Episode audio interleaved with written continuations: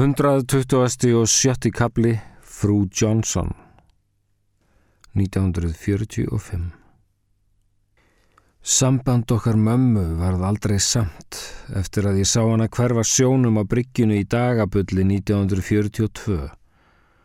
Bartsálinn tekur engum rökum. Henni fannst móður sín hafa svikið sig Hún sendi mig frá sér 12 ára gamla á bát út í óræðan buskan og kom síðan ekki til að hitta okkur í Hamburg eins og hún hafði lofað. Ég sá hann ekki aftur fyrir en hilli styrjald síðar. Beigð hennar tilgreit í dagstofinu á Bessastöðum 16 ára kona á sólríkum höstegi. Bílstjórin rendi í hlað og mamma steg út eins og þjóð höfðingi annars lands, lands sem ég þekkti ekki. Ráðsmaðurinn Alfred tók á móti henni og hann þess að reyfa mig. Fyldist ég með henni stika á háum hælum inn steinlagt andurið sem á bestastöðum heitir skáli og áfram inn í fatahengið. Hún sá mig ekki fyrir hún kom aftur fram, kápulaus á ljósum kjól og fínstilti greiðsluna með opnum lofa í sinni fyrstu heimsókn á forsetabílið. Ég fann að mér langaði að stíga skrefi til mótsviðana þrátt fyrir stránt auglit ömmu, en gata ekki. Ég gata ekki yfirstíð allt sem hafi gerst og beigð hennar steinfætt. Mamma kom siglandi með brosi, kjölþung og breið og reyndi að kissa mig, líkt og hæfir í ofinberum sölum, þótt aðeins amma stæði þar innar í stofu en gafst síðan upp og faðmaði mig, fekk höfuð skjálta og misti tár úr auga. Við föðmuðumst aftur og ég kvarfin í hár hennar en fann enga þánglikt lengur aðeins ilm af stríðskróða. Hún var orðin frú Johnson. Ég kom ekki upp orði og mamma reyndi að fylla þögnina. Sem þú hefur breyst og stækkað, barnu mitt. En það fannst á rött hennar að ég bjó ekki lengur innra með henni, heldur stóð fyrir utan var komin úr sálhelgi hennars og fann að það tæki mig lífið að komast inn aftur. Öfugt við mömmu kom ég ekki upp tári en öskraði í yðurum mér af sársökanum sem fylgdi því að heyra girðinguna í röddmóður minnar að atburða Guðinn hafði stíjað okkur í sundur. Innar í húsinu tifaði hjarta föður míns uns hann byrtislags fram í dagstofuna og straug stöðugt ennið með hægri hendi, opnum lofa. Þegar þeim strókum loks laug gæti hann tekið í hönd konunar sem hann hafði svikið fyrir Hitler og hún tekið eftir því hveð þunnhærður og stríðsegður hann var orðin. Hann sagði ekkert og hún ekki heldur, en amma sagði, Jæja, svo kann við gå inn. Hún leiti okkur inn í borðstofu og reyndi um leið að letta andrumsloftið með því að segja frá því sem gerst hafði kvöldið áður. Forsetin var gengin til náða en við amma sátum við kaffidrykju þegar allt í hennu byrtist maður á stofugólfinu, bálreiður beljaki sem öskraði á okkur Hvar er forsetin? Ég ætla að drepa hann! Amma Georgia svaraði honum af stakri kurtesi Nej, men lille søde huseby, skulle det ikke være en kopp kaffe? Við þetta lippaðist heljarmennið niður og settist á hið penasta kaffispjall með okkur. Gunnar Húseby var landsfrægur kúluvarpari og kraftaróni sem varð síðar Evrópumeistari árið eftir. Við Íslendingar áttum marga afreiksmenn í íþróttum á áronum eftir stríð þegar aðeins konur byggu í Evrópu. Amma hafði skipulagt hinn langþráða fjölskyldufund og stjórnaði honum líkt á herfóringi, setti okkur niður við glugga í borðstofunni mig við hliðin á pappa og mömmu gengt okkur, en let sín eigin stól standa hordrétt á borðið þannig að hún gatt sprottið upp og skeiðað fram í eldhús á milli þess sem hún satt um mömmu líkt á varðkona með olboga á borðbrún. Ráðskonan Elín bar pönnukökur og heitt súkulaði á borð Hún var dökkhærð og kinnarrein sveitastúlka af áltanesinu og skemmtilega laus við þjónustulund. Viljið þér að ég komi með rjóman núna? Ja, det vil jeg gerne. Þeitt hann þá? Já, menn selvfölili. En þér vitið að þetta er síðasti rjóminn? Gestgefin kinkaði kolli og brosti á eftir ráðskonunni, en við hinn góndum þögul á gufu reik úr bollum sem gildur var af lári eftir í höst sól. Hún barst okkur langt utan af reikjanessinu yfir lampúsatjörn þvert yfir dagstofuna og gegnum opnar tvíbreyðar dyr inn í borstofu. Í breyðafyrðinum voru slíkir geistlar nefndir lísisgull. Amma hóf leik á nokkrum ísköldum kurteysi spurningum til mömmu, en mér var litið á pappa og tók eftir því að hönd hans skalf uns hún náði taki á botla eiranu. En þá var eins og skjáltin færðist yfir í rött mömmu. Helst af öllu myndi ég auðvitað vilja fá hana herru til mín. Amma þvert tók fyrir það. Þá er þið Hans Henrik einn aleinn.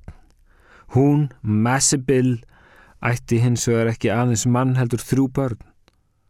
Mamma var kæftstopp, börn Fridriks voru uppkomin, hún hafði séð tvö þeirra tvísvar. En amma var först fyrir, maður fær ekki allt í lífinu. Við tóku samningaviðræður sem laug með því að ég fengi að heimsækja hana mánaðarlega. Pappi satt þögull undir þessu en fórlóks að gráta án þess að nokkur tæki eftir. Hann þerraði augun með servjettu og ég lagði hönd mín á hans þar sem hún lá á borðinu. Mamma þagnaði og starði á bandalag okkar brostnum augum. Úr þeim sást að við pappi áttum saman eitthvað sem ekki fannst í orðabókum en var hægt að kalla ólíflegt á sama hátt og sumt er sagt ólöglegt. 127. og 7. kapli Þunglindi með þeittum rjóma 1945 Við pappi höfðum komið heim með esjunni í byrjun júli á samt stórum hópi Íslendinga sem ekki hafði sér landið sitt frá því fyrir stríð. Meðal farþega voru sá íðfrægi Jóhann Resi sem þá var talin hæstimaður heims og skaldið steitt Pappi hjælt sig í kóju alla leiðina en mér var starfsínt á fyrsta ástmann móður minnar. Hann var smár á líkamann og pervisinn með viðsinn handlegg en þeim mun stórirtari um menn og málefni. Resinn var hins vegar ljúfur sem lamp. Saman voru þeir kostulegt vinapar líkt og búktalari og brúðan hans. Eitt sinn sá ég skaldið sitja út á dekki og reykja í kappið vindin Hann var hörku þunnur að sjá og góndi brúnaþungur út á andlaust úthafið. Hefði hann samt ekki verið ágætur fadir, hugsaði ég. Gefið mér síkarettur í ammaliðskjöf og kent mér að hrækja á hakakross og pissa á hamar og sigð. Á sumarbjörtum morni sáum við loks Ísland aftur. Við stóðum út á dekki þegar Vestmannegar tókuð að rýsa úr sæ og jöklarnir þeim að baki. Fyrsta tilfinningin var undarleg. Hún líktist því helst að sjá sitt eigið andlit byrtast úr kafi hægt og nöturlega og ná andanum aftur. Eftir ákomir hins vegar í hug þessi ljóðlína lagsnes, sjá fjöll minn rýsa kvít sem skýr og mjölk. Því eftir alla vesöldina myndi landið líka á veistluborð, mann langaði bókstálega til að gleipa það í sig. Amma Georgia sá til þess að okkur var ekið beint af Hafnarbakkanum og út á Altanes þar sem pappi var síðan geimtur í sérherbergi líkt og ríkislendarmál. Ég var látin bera honum veisludisk upp á loftið því hann mátti ekki sjást í ofinberum móttökum. Dýflissan á bestastöðum hafi verið flutt upp á efri hæð. Hann reisti sig upp á rúmbrík og leta á engu bera en varaðist að horfa í augu dóttur sinnar, einbytti sér að kökunum. Ég tilti mér hjá honum og reyndi að finna líkil orðið sem lokið gæti upp samræðum um hryllingin sem þjakaði mig og okkur og ég gæti ekki rætt við neitt nema hann og hann við mig en var þó of stór fyrir tvær litlar manneskjur að kljást við en tunguguðin var tregur til að láta það orð af hendi. Að kökunum kláruðum leitt pappi á mig með táravörn í augum og klappaði mér á hnið. Ekki hugsa um það. Amma sá einni til þess að við mamma fengum ekki að hittast fyrir en þremur mánuðum eftir heimkomuna. Gamla konan gæti ekki fyrirgefið mömmu þó synd að það var nánast við landtöku lagst í hjónasæng með ráðsettum kaffikaupmanni sem að auki átti þrjú börn með annari konu. Littlu skipti þótt sú væri látin, ömmu þótti mamma hafa sveikið fjölskylduna og hafði því sett hana á ís sem var hennar reyðir áð. Þetta var undarlegt sumar, skínandi bjartið ytra en dimtað innan. Eitt stórt þunglindi með þeittum rjóma, ég borðaði 16 pönnukökur á dag. Draumarnir koma á hverju nóttu, fylfullir með pín og kvöl. Eina nóttina var slefað yfir mig á rúsnesku en hina lág ég í ormakös í loftvarnabyrgi og ormarnir voru fólk. Í öðrum endanum fætust börn en í hinum var slögt á mannkertum. Ég reyndi að krabla mér leið í átt að byrturönd en var í sífellu kaffærið af höndum og fótum og berum barslærum. Heilu sólarkvöldin satt ég fram með á loftinu, góndi út um gluggan yfir skerjafjörðin og velti því fyrir mér hvað mamma værið að sísla í borginni þarna hinnum megin. Hvers vegna hjekk hún ekki frekar á gluggum og hurðar hún um fórsetabílisins organdi af söknuði? Sjálfsagt hefði ég, samkamt öllum nútíma stöðlum, átt að leggjast inn á sáluhjálpar deild og láta sálfræðinga klappa úr mér stríðshrollin og loka áfallið en slíkar stopnarnir þekktust ekki þá og vart nú heldur. Svo ég var bara látin spila brits við ömmu og vinkonur hennar, miðstanskar miðbæjarkerlingar sem rættuðu samband mömmu og Fridriks á dönskur ósamáli sem ég skildi þó mæta vel. Hér frétti ég að mamma hefði hitt herra Johnson í Englandi, þau hafðu orðið samferða heim en hún þó fyrst og fremst fallið fyrir íbúð hans á Bræðraborgarstík. Langar bjartar nætur lág ég og starði á sofandi mannin í rúminu gengt mér líkt og Marek í kofanum forðum og spurði mig hvernig þeirri ógnar skeppnu sem heimstyröldin var hefði tekið slíkt nákvæmnisverk að líma okkur saman á ólukkunni, dóttur og föður, einustu Íslendingana sem tóku þátt í þeirri 200 miljón manna uppfæslu. Það var engu lægi líkt, það var djöfuleg nákvæmni, það var eins og ef rostungi hefði tekist upp með nála og tvinna. Guðleysi skuðinn hlaut að hata mig. 120. og 8. kapli Lóan er komin 1945 En hvað mátti þó segja um þann illa galdur sem lá eins og myrkur spjót í gegnum hverja stund sem tímaguðin stilti upp á þessum landsins besta stað? Við pappi fórum í langa göngutúra, reyndum að ganga burt frá þessum hundrað svörtu meilands rottum sem fylgdu okkur herbergi á milli. Kanski myndu þar tínast í fjöru Við gengum út á rana og jáfnvel allalegði yfir í gálgarhraun. Vindur blés að okkur solskinni en bárum yfir lampúsatjörn og vakti gljáa með síðsumarljáni. Við rættum allt nema það sem ræða þurfti. Hann sæði mér frá sumarkvöldum í væle og frætti mig um skelfisk. Einn daginn ákváðum við að ganga á fjöru og leita kræklings þrátt fyrir varnaðar orð Elína Ráðskonu. Hér fer ekkert skelljaslím í pott. Á göngustíknum út á Bessastaðanesið mættum við Ava og Lóni frængu. Hún hafi komið daginn áður og nú voru þau að koma úr göngu. Lóan kemur á förstu daginn. Hafði forsetin tilkynnt út úr skrifstofusinni fyrir vikunni eins og gladur skáta drengur. Mér var litið á ömmu þar sem hún sati við prjónum í djúbastólnum í dagstofunni. Hún hleyfti í brúnir og kváði stundarhátt á móti. Vem? Mörg ár voru nú frá því að söngfuglinn sást síðast á heimili þeirra. Lóni Bang hafði búið í London öll stríðsárin þar sem hún umgekst ímis frægðar tröll líkt og Sigmund sjálfan Freud og Elias Canetti sem löngu síðar fekk Nobelsvelun í bókmönd. Þá hafði hún marg oft komið fram á frægri hátegist tónleikaröði National Gallery þegar ekkert var þar til sínis nema söngur. En nú var hún komin heim, stríðinu var lokið og friðurinn úti. Forsettinn var frakkaklættur með hatt. Lóni á svartri kápu með hár sem sviftist um í vindinum líkt og kertalók. Góðan daginn, saði pappi ressi bragði. Fóruðu neyri fjöru? Þau gengu hjá í þögn, án þess að líta á okkur, graf alvarlega á svip og myndu helst á forsetta hjón í líkfild. Já, já, auðvitað voru þau glæsilegt par.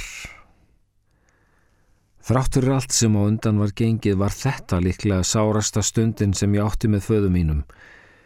Ég hafði séð þá feðgatalast við undir borðum á bersastöðum en eftir að Lóan kom var úti um öll samskipti. Og hér hafði fadurinn nánast afneitað sinni sínum í viðurvist dóttur hans fyrir áhrif ástkonu sinnar. Við gengum áfram áleiðis út á Bessastaðanesið sem söiblaði stráum sínum til og frálíkt og sturluð sál. Ég tók í höndföðu mínslikt og móðir sem leiðir barn og reyndi að segja eitthvað upplýfgandi, eitthvað um krýjur og kræklingaleit en hann svaraði ekki. Mér var litið tilbaka og sá hvar þessi óopinberu fórsetahjón Íslands stygkuðu vegin heimað bæ. Hann kristi hönd hennar laumulega Ögnablikið bar í bestastáðastofu sem stóð þar í fjerska, kvít með rauðu þaki á svipin eins og amma. Er við náðum út á nesið sást að við höfum valið tíman rétt. Útfyrið var í hámarki og fjaran blasti við, þanglóðin og slepjuleg og sleip eftir því. Hvergi sást þó til kræklings niður skellja af öðru tægi. Við máttum hafa okkur öll við að detta ekki en pappi óþó þar hann beint af augum eina 200 metra eins langt og hann komst að landamærum sjós og lands. Stóð þar full lengi fyrir minn smekk með bakið í mig og gondi hon í fjörðin og yfir fjörðin þar sem hinn spáni í Reykjavíkur flugvöldur blasti við en ákvaðloks að drekja sér ekki í dag og snýri við. Hvað vissi þessi kona um örlög pappa? Hvaða rétt hafði hún til að fyrirlíta són þeirrar konu sem var eiginkona mannsinn sem hún elskaði á laun og móðursistir hennar þau auki. Hún gatt trútt um talað út úr öllum sínum mikla gýðing dómi. Það var hlutskipti af að vera maður á milli elda, forseti við skilnað Íslands og Danmerkur og allatíð fastur á milli ástkonu og eiginkonu, elskuga eiginmanns og föður með krónískan skort á hetjulund og af hverju í anskotanum gæti hann ekki hunskast til að fá sér íslenska hjákonu.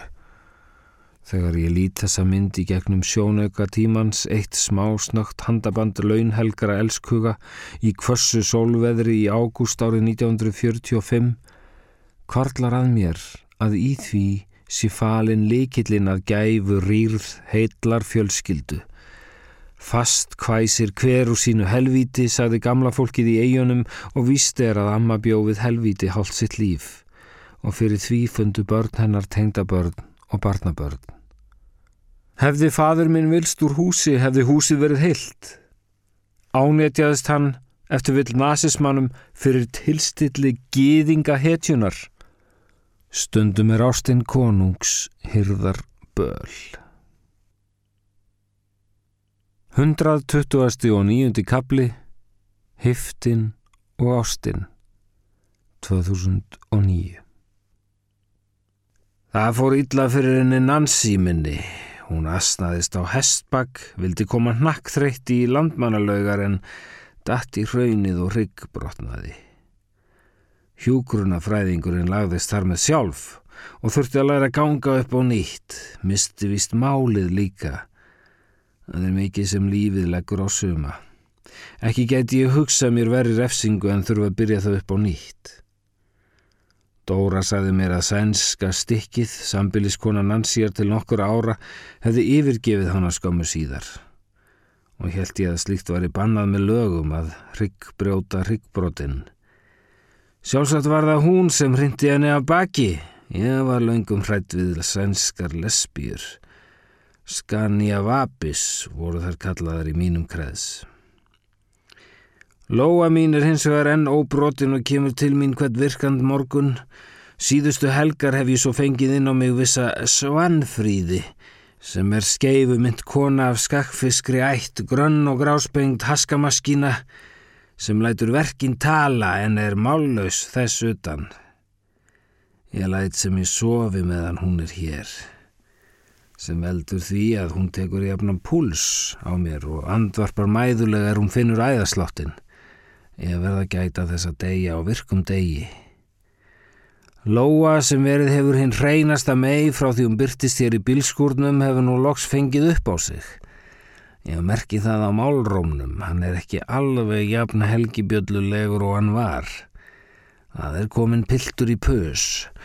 Sjálf gefur hún fátt upp annað en brosið og talar aðeins um vin. Og það er nú ekkit vinalegt við ástina, segi ég. Akkur segir það? Hiftin og ástin, þetta eru logar af sama báli. Já, þetta var kannski öðruvís í gamla daga, segir hún og setur á sig solgulan gummi hanska. Og nei, það brennu víst alltaf jafn heitt. Ámaður þá að forðast eldin? Það getur engin, því login sá er lífið sjálft. Hún virtist af að tapa þræðinum, átti auk þess í vandræðum með að finna hinn gummihanskan og spurði benskulega Þú ert búin að vera í ótrúlega mörgum löndum, er það ekki? Lönd eru ágætt en ekki lengur en í tvær vikur. Akkur ekki? Æ, eftir það fyrir alltaf verða flókið. Þá er maður komin ón í fólk og farin að fá símtöl.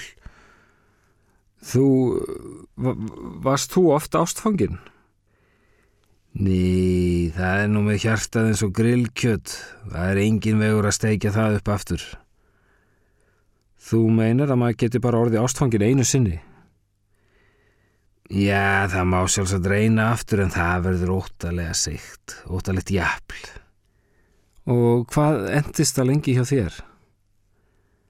Fyrsta ástin endist út lífið, ég hugsa ennþá um hann. En ég meina, hvað voru þið lengi sa, uh, saman? Við vorum par í tvo, ég geri hér mál hlið sökum mæði, tvo, tvo daga minni mig. Þið voru saman í tvo daga og þú hugsaður enn um hann? Já, ástin er mæld í gráðum en ekki mínútum.